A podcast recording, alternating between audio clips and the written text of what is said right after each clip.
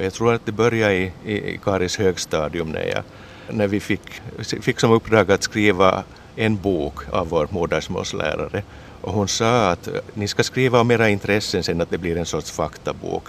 Men jag tänkte att jag vill skriva en, en, en skönlitterär bok och hon sa att nej, ni ska inte göra det för det, det är mycket svårare att få bra vitsord i det. Men jag var sen den enda som fick tio vitsordet 10 för, för, för den här boken så jag tänkte att no, kanske jag kan skriva då. Ända sedan dess hade det varit i bakhuvudet att, att kanske, kanske något. Och hur blev det sen deckare då? Det har nog att, att göra med det att jag själv läser deckare och, och Agatha Christie är, är nog min stora inspiratör. Att det, det ska vara sånt här, inte allt för mycket våld och, och, och lite så här att det kommer fram lite ledtrådar i gången och sen samlas alla misstänkta i ett rum och, och så är, är deckaren och, och pekar ut den, den som har gjort morden. Det, det, är liksom, det gillar jag mest.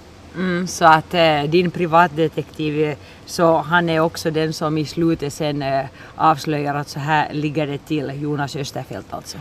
No, det kan man säga ju, att så har det inte blivit alla mina fem deckare men att de, jag, jag försöker få det att bli så. Fem deckare alltså. Den eh, nyaste, Något har hänt, har faktiskt kommit ut här i år och, och utspelar sig i Bromarv nu och det är riktigt därför jag som Bromabo själv fick upp ögonen för dig. Men, men faktiskt allt som du har skrivit så det utspelar sig, ja delvis nog utomlands men allt är nog förknippat till Västnyland och olika orter här. Vad beror det på då?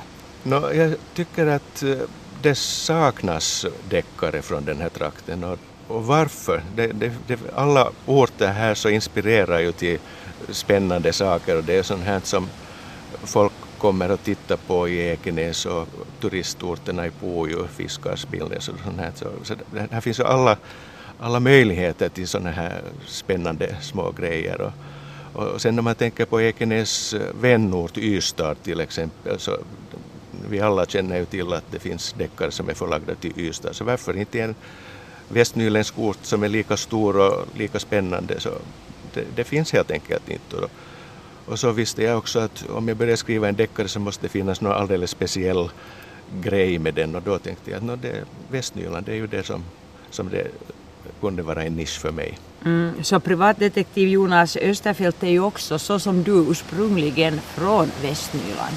Ja, så att han återvänder alltid till sina hemknutar när, han ska lösa olika mord och, och, och andra mystiska händelser. Ja, det, och, och, under de här fem deckarna så, så blir det en sån här tidslinje också för honom själv att han utvecklas under de här fem deckarna också. På att det, jag tycker det är normalt på det sättet att han kommer till sitt förflutna för att själv utvecklas och kanske jag är lite med där också i, i baktankarna. Ja, jag tänkte att kanske du är Jonas Österfelt.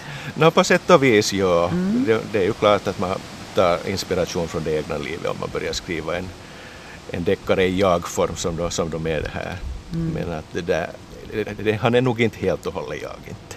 Men man kan läsa de här deckarna så att man kan ta dem i, i fast den nyaste först men, men det är ganska bra om man kan följa den här kronologin för då märker man just mycket liksom det här sidospåret hur Jonas mår och hur han utvecklas. Ja, absolut. absolut. Ja. Men att själva mordgåtorna så de är historia för sig. Att, att det, de, man kan läsa dem skilt också. Det är ganska långt så som många populära svenska deckarförfattare skriver också för att de har ju alltid en sån här um, huvudperson som brukar bli jättepopulär och som, som mycket cirkulerar kring hemliv och, och alltså privatliv och annat också. Jo, det ja. stämmer. Och, och det, om man nu tar tv-serien Bron till exempel så där var de väldigt komplicerade de här huvudpersonerna och de utvecklades under de här olika säsongerna också. Mm. Men hur komplicerade är Jonas Österfelt? Det börjar ju faktiskt med som han är arbetslös i, i den första boken och, och sen, sen utvecklas han från det att han har sen andra problem senare. Och, och eh, jag tror nog att jag var arbetslös på 90-talet och, och det, det, satte sina spår. Att, att, att det är lite skrämmande faktiskt om man tänker att nu 20 år senare så kan man börja skriva om det och få fram alla de här demonerna ännu 20 år senare. Att, att det, för alla de som är arbetslösa så är det nog en stor grej.